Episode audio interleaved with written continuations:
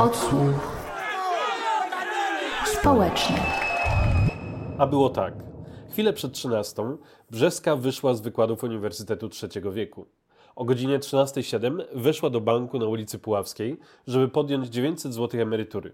Tyle właśnie zostawało jej na życie po potrąceniu przez komornika należności za dług. Dług powstał w wyniku dziesięciokrotnej podwyżki czynszu dokonanej już po reprywatyzacji jej budynku. Z banku wróciła do domu na Nabielaka 9. Jakieś 20 minut piechotą, niewiele krócej autobusem. Czyli jest w domu przed 14 i na bladzie kładzie mięso na obiad. Kilka dni później to samo mięso, już zepsute, wyrzuci do śmieci jej córka Magda Brzeska, przez co usłyszy od prowadzących postępowanie, że zatarła w mieszkaniu matki wszelkie dowody. Są świadkowie, którzy widzieli, że Brzeska wsiadała do auta, które stało pod jej domem. W tym momencie trop się urywa. Kolejna klatka to spalone zwłoki w lesie kabackim. Po policję zadzwonił przypadkowy przechodzień o 16.45. Wiadomo, że żyła, gdy płonęła. Podpalono ją naftą, która pali się wolniej niż benzyna. I tu cytat. Na tyle długo, że potrafi wytopić ludzki tłuszcz, który sam zamienia się w paliwo podtrzymujące ogień. Z człowieka zostaje tylko popiół. Był to fragment książki Reprywatyzując Polskę, dotyczący brutalnego zabójstwa Jolanty Brzeskiej, jednej z założycielek Warszawskiego Stowarzyszenia Lokatorów. Moją dzisiejszą gościnią będzie Beata Siemieniako, prawniczka, aktywistka, autorka książki Reprywatyzując Polskę, wieloletnia działaczka na rzecz praw lokatorów w Warszawie. Ja nazywam się Konrad Wiścz-Węgorowski i słuchacie Odsłuchu Społecznego.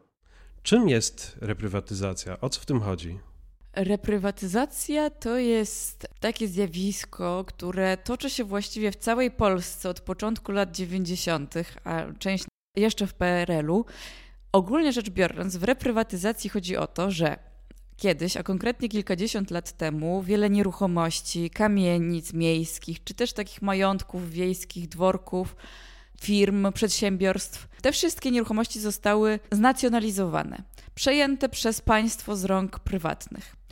Później te budynki, te nieruchomości zostały rozdysponowane pomiędzy różne instytucje publiczne, są przeznaczone na szkoły, na mieszkania komunalne itd. Tak I teraz, kilkadziesiąt lat po tym zderzeniu nacjonalizacji, już w trzeciej RP, doszło do e, próby reprywatyzacji tych wszystkich nieruchomości, czyli zwrotu do tak zwanych pierwotnych właścicieli czy ich spadkobierców to takie bardzo duże uproszczenie, ponieważ często one nie wracają, te nieruchomości ani nie wracają, ponieważ po prostu przechodzą z rąk publicznych w ręce prywatne.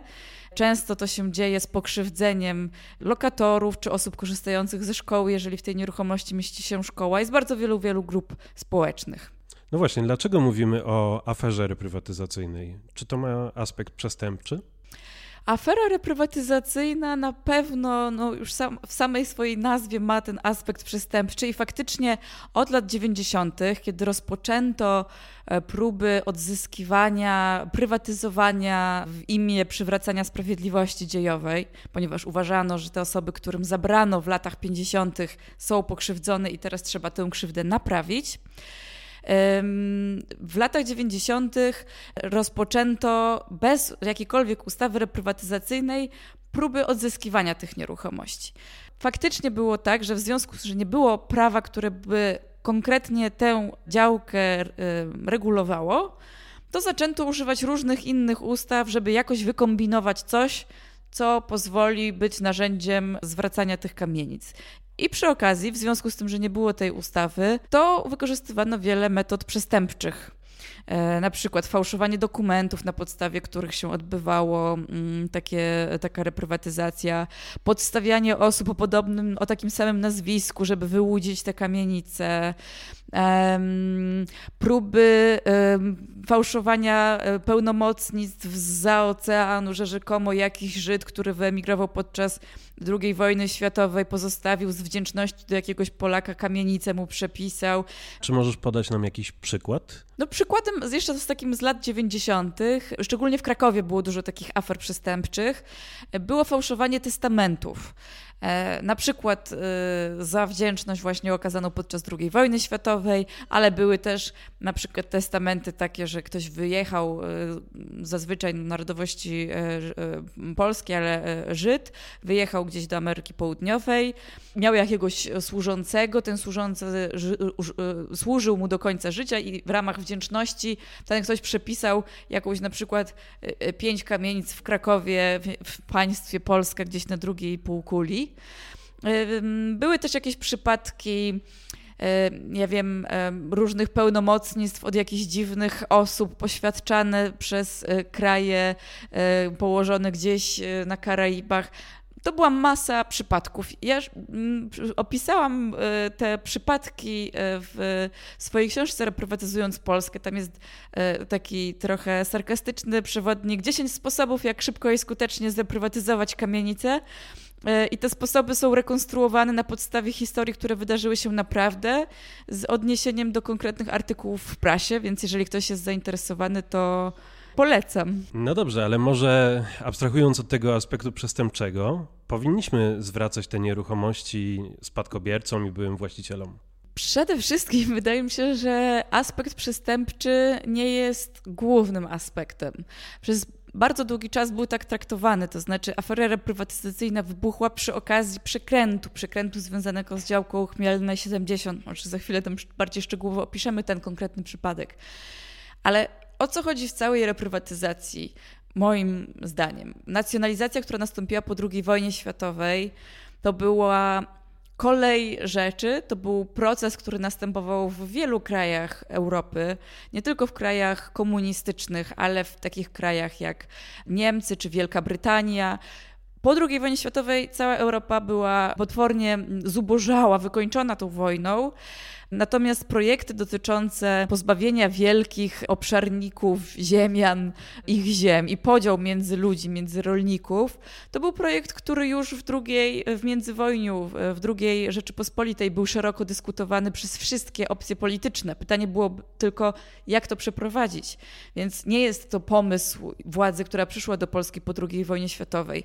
Chciano dokonać tej nacjonalizacji jeszcze przed II wojną światową, właściwie tylko wybuch tej wojny uniemożliwił e, te plany. Więc mamy sytuację po wojnie, kiedy realizuje się podział tak naprawdę dóbr, żeby nie tylko najbogatsi mogli je mieć.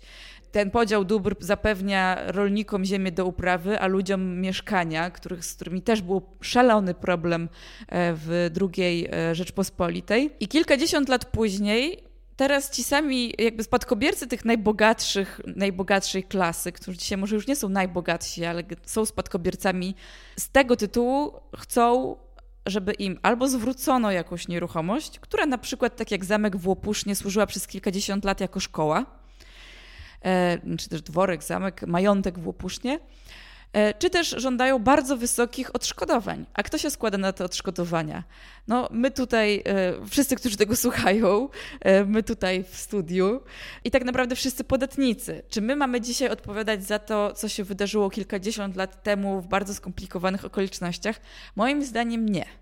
Więc moim zdaniem z tego powodu nie powinniśmy dopuszczać do reprywatyzacji. Ja nie twierdzę, że te osoby, których wypędzano z tych swoich tych majątków, nie doświadczyły krzywdy. Uważam, że też zostały pozbawione domów. Natomiast pytanie jest takie, co z osobami, które teraz też zostają pozbawione domów na znacznie większą skalę i nie na skutek wojny, tylko na skutek moim zdaniem po prostu takiego nieumiarkowania, czasami chciwości. Co z tymi wszystkimi lokatorami, którzy tracą domy na skutek tego, że, e, że całe kamienice są reprywatyzowane? Co z tymi uczniami, którzy tracą szkołę, ponieważ budynek trafia w ręce prywatne? Co z urzędami, które muszą po prostu przenosić się gdzieś, budować nowe budynki? Mamy rok 2020 i moim zdaniem to już jest, e, to już nie jest na to czas. Odsłuch społeczny. No więc właśnie powiedziałaś o, na początku o tym, że działałaś w luchu e, lokatorskim. E, mówisz teraz o mm, krzywdzie osób, które zamieszkiwały te nieruchomości. Jak to wyglądało? Czy kiedy dochodziło do zwrotu nieruchomości, to e, osoby, które ją zamieszkiwały, miały zapewnione be poczucie bezpieczeństwa i godne warunki do mieszkania? Zazwyczaj z tego, co ja wiem, a ja na pewno się spotykałam z przypadkami, w których dochodziło do krzywdy, bo taka też była moja rola, ale moim zdaniem w większości przypadków schemat był następujący. Kamienica trafia w ręce prywatne, następnie podwyższane są czynsze. To się działo w większości, zdecydowanej większości przypadków, z jakimi, o jakich ja słyszałam. E, pod, czynsze są podwyższane, Mieszkający tam ludzie nie są w stanie ich uiszczać, szczególnie emeryci, emerytki, osoby już w wieku poprodukcyjnym. I zaczynają się sypać też pozwy o eksmisję. Generalnie rzecz biorąc, e, no wyobraźmy sobie sytuację, że, że, że sobie zreprywatyzowaliśmy właśnie kamienicę.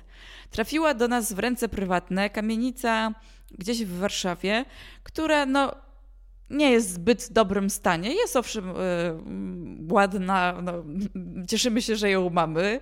Świetna nieruchomość, z której możemy potencjalnie czerpać dużo zysków. No ale tak, e, dach trzeba wymienić, bo przecieka. E, czynsze nie pozwalają na pokrycie remontu tego dachu.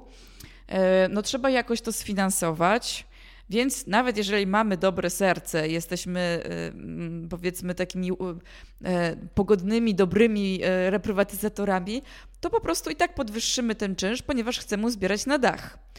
Opcja druga, jesteśmy złymi reprywatyzatorami i nie zależy nam w ogóle na tym, czy ktoś e, zostanie skrzywdzony, czy ktoś kogoś nie będzie stać na czynsz, czy nie. Naszym celem jest wymiana wszystkich lokatorów, żeby wyremontować te lokale na apartamenty, i wynająć bądź sprzedać za cenę kilkukrotnie wyższą.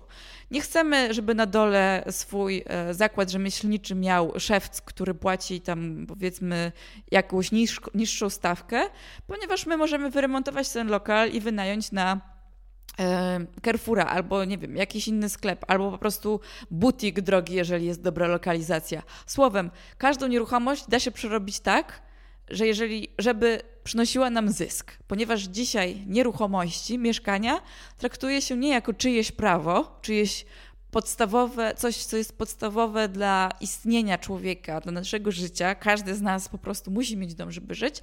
Tylko dzisiaj mieszkanie traktuje się jako inwestycję, jako towar. Stąd hasło ruchów lokatorskich, ruchów lewicowych, które od dawna walczą o prawo do mieszkania. Mieszkanie prawem, nie towarem.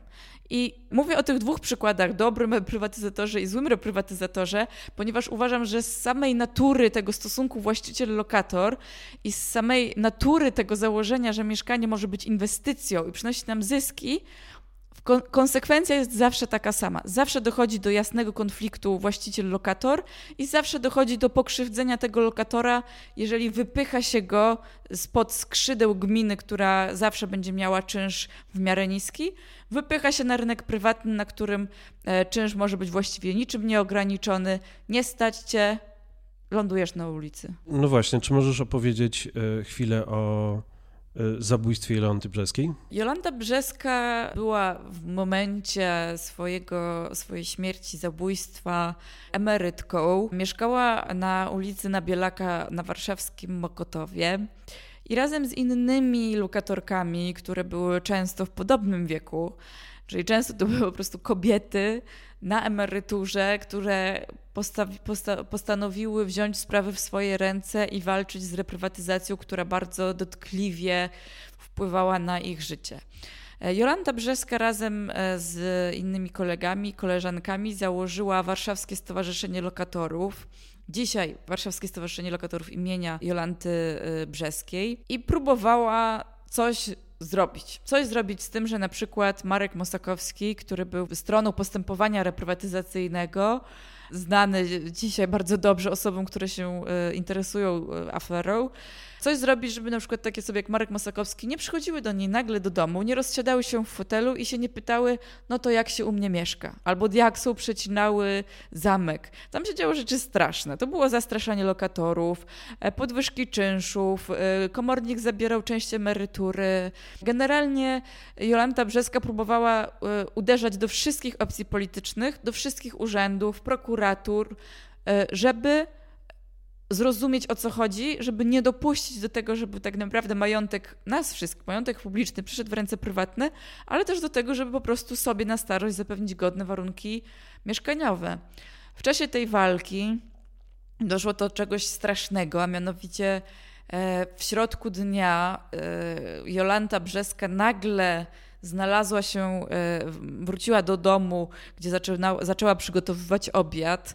Jak się potem okazało, zostawiła jakieś mięso, które zaczęła kroić na blacie. I chwilę potem okazało się, że jest w lesie kabackim e, spalona. Pierwsze hipotezy policji były takie, że w ogóle popełniła samobójstwo. Popełniła samobójstwo podpalając się w lesie? Takie tezy stawiała policja i w tę stronę było prowadzone śledztwo. Potem w końcu postawiła inną tezę, że doszło do zabójstwa, ale popełniono w czasie postępowania bardzo dużo błędów. E, o Jolancie Brzeskiej z kolei, e, jeżeli ktoś będzie zainteresowany, e, myślę, że warto poczytać w książce Piotrka Ciszewskiego i Roberta Nowaka.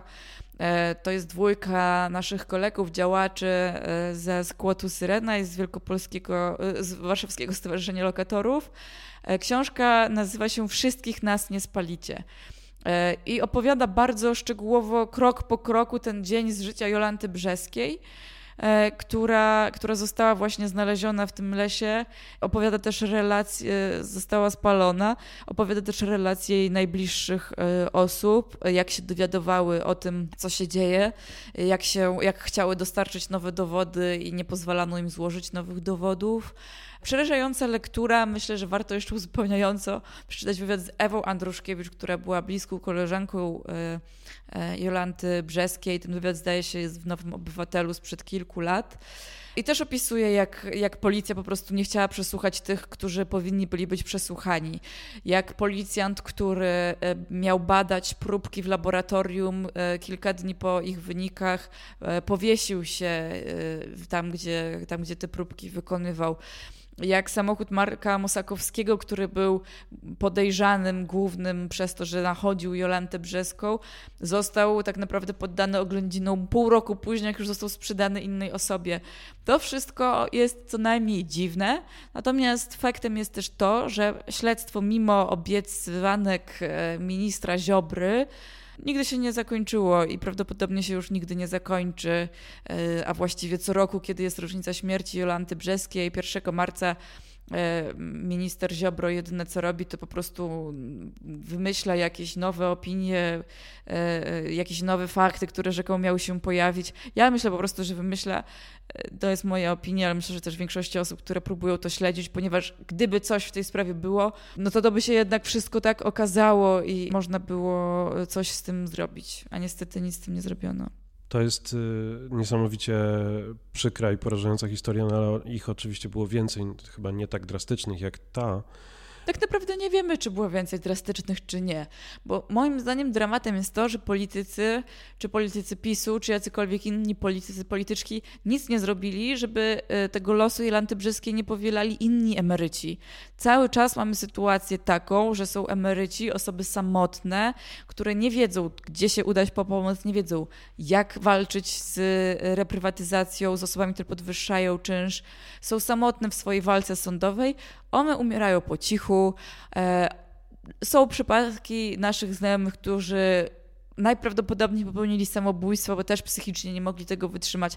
To wszystko się dzieje nadal. W tej chwili, kiedy my sobie tutaj rozmawiamy, kiedy Państwo będziecie słuchać, pewnie jeszcze przez jakiś czas będą zdarzać się historie, kiedy ludzie po prostu nie mogą unieść tego ciężaru, wpadają w spirale zadłużenia, załamują się nerwowo, zaczynają chorować na nowotwory fizycznie, bo po prostu to, co się im przydarza, jest czymś przerażającym. Odsłuch społeczny.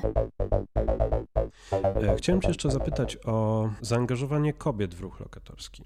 Jolanta Brzeska jest y, symboliczną postacią, ale kiedy widziałem protesty lokatorskie, czy to na przykład na Radzie Miasta w Warszawie, czy to organizowane na ulicach Warszawy, widziałem, że były w dużej mierze zdominowane przez, y, przez kobiety, że najwięcej protestujących to były kobiety, najwięcej osób zaangażowanych w protest lokatorski, ruch lokatorski to były kobiety.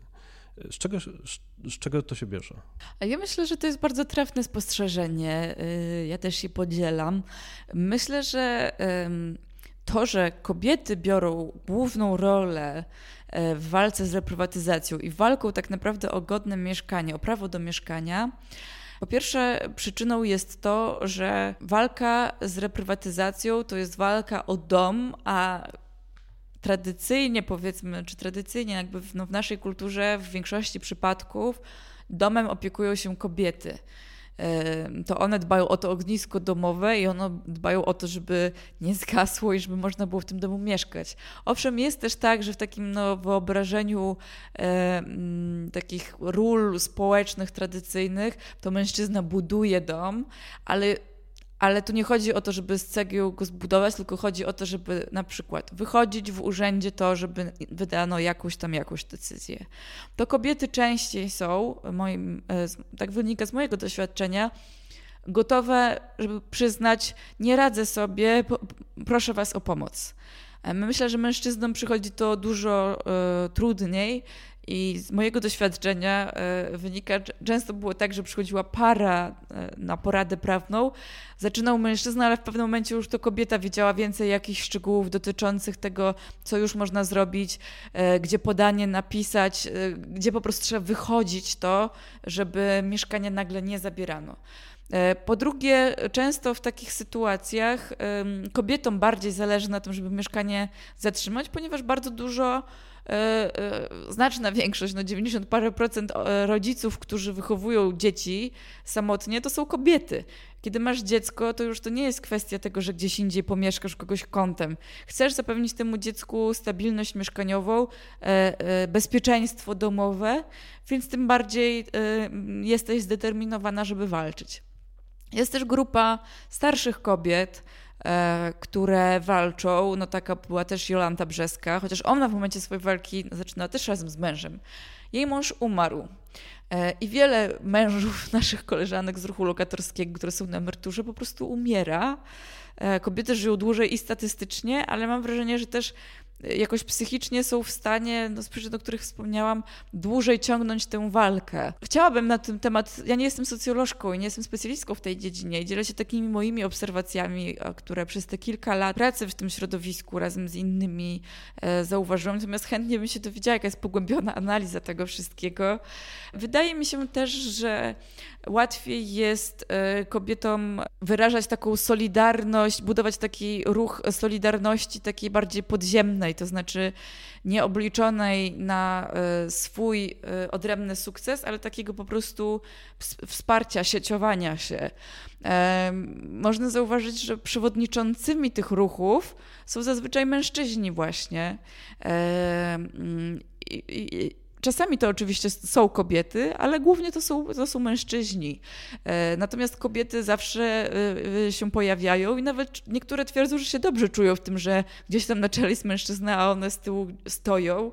Myślę, że to wynika z wielu przyczyn, o których Możemy tutaj długo rozmawiać, natomiast wydaje mi się to też bardzo ciekawe z perspektywy tworzącego się feminizmu socjalnego i z tym, że te kobiety niekoniecznie określają się feministkami, e, natomiast wiedzą, że e, tak to my kobiety potrafimy wywalczyć pewne rzeczy. Myślę, że część tego potencjału, e, który się kryje w takiej samoorganizacji, wykorzystuje Socjalny Kongres Kobiet, który jest organizowany, był organizowany dwa razy w Poznaniu oraz w Toruniu przez inicjatywę pracowniczą, e, a więc związki zawodowe i ruchy lokatorskie. E, bardzo też polecam przyjrzeć się temu wydarzeniu. Ja byłam dwa razy obserwatorką, bo tak naprawdę prowadzą to, te, te spotkania te kobiety, które walczą bez konieczności reprezentowania, a ja jestem reprezentantką ich, jakby nie patrzeć.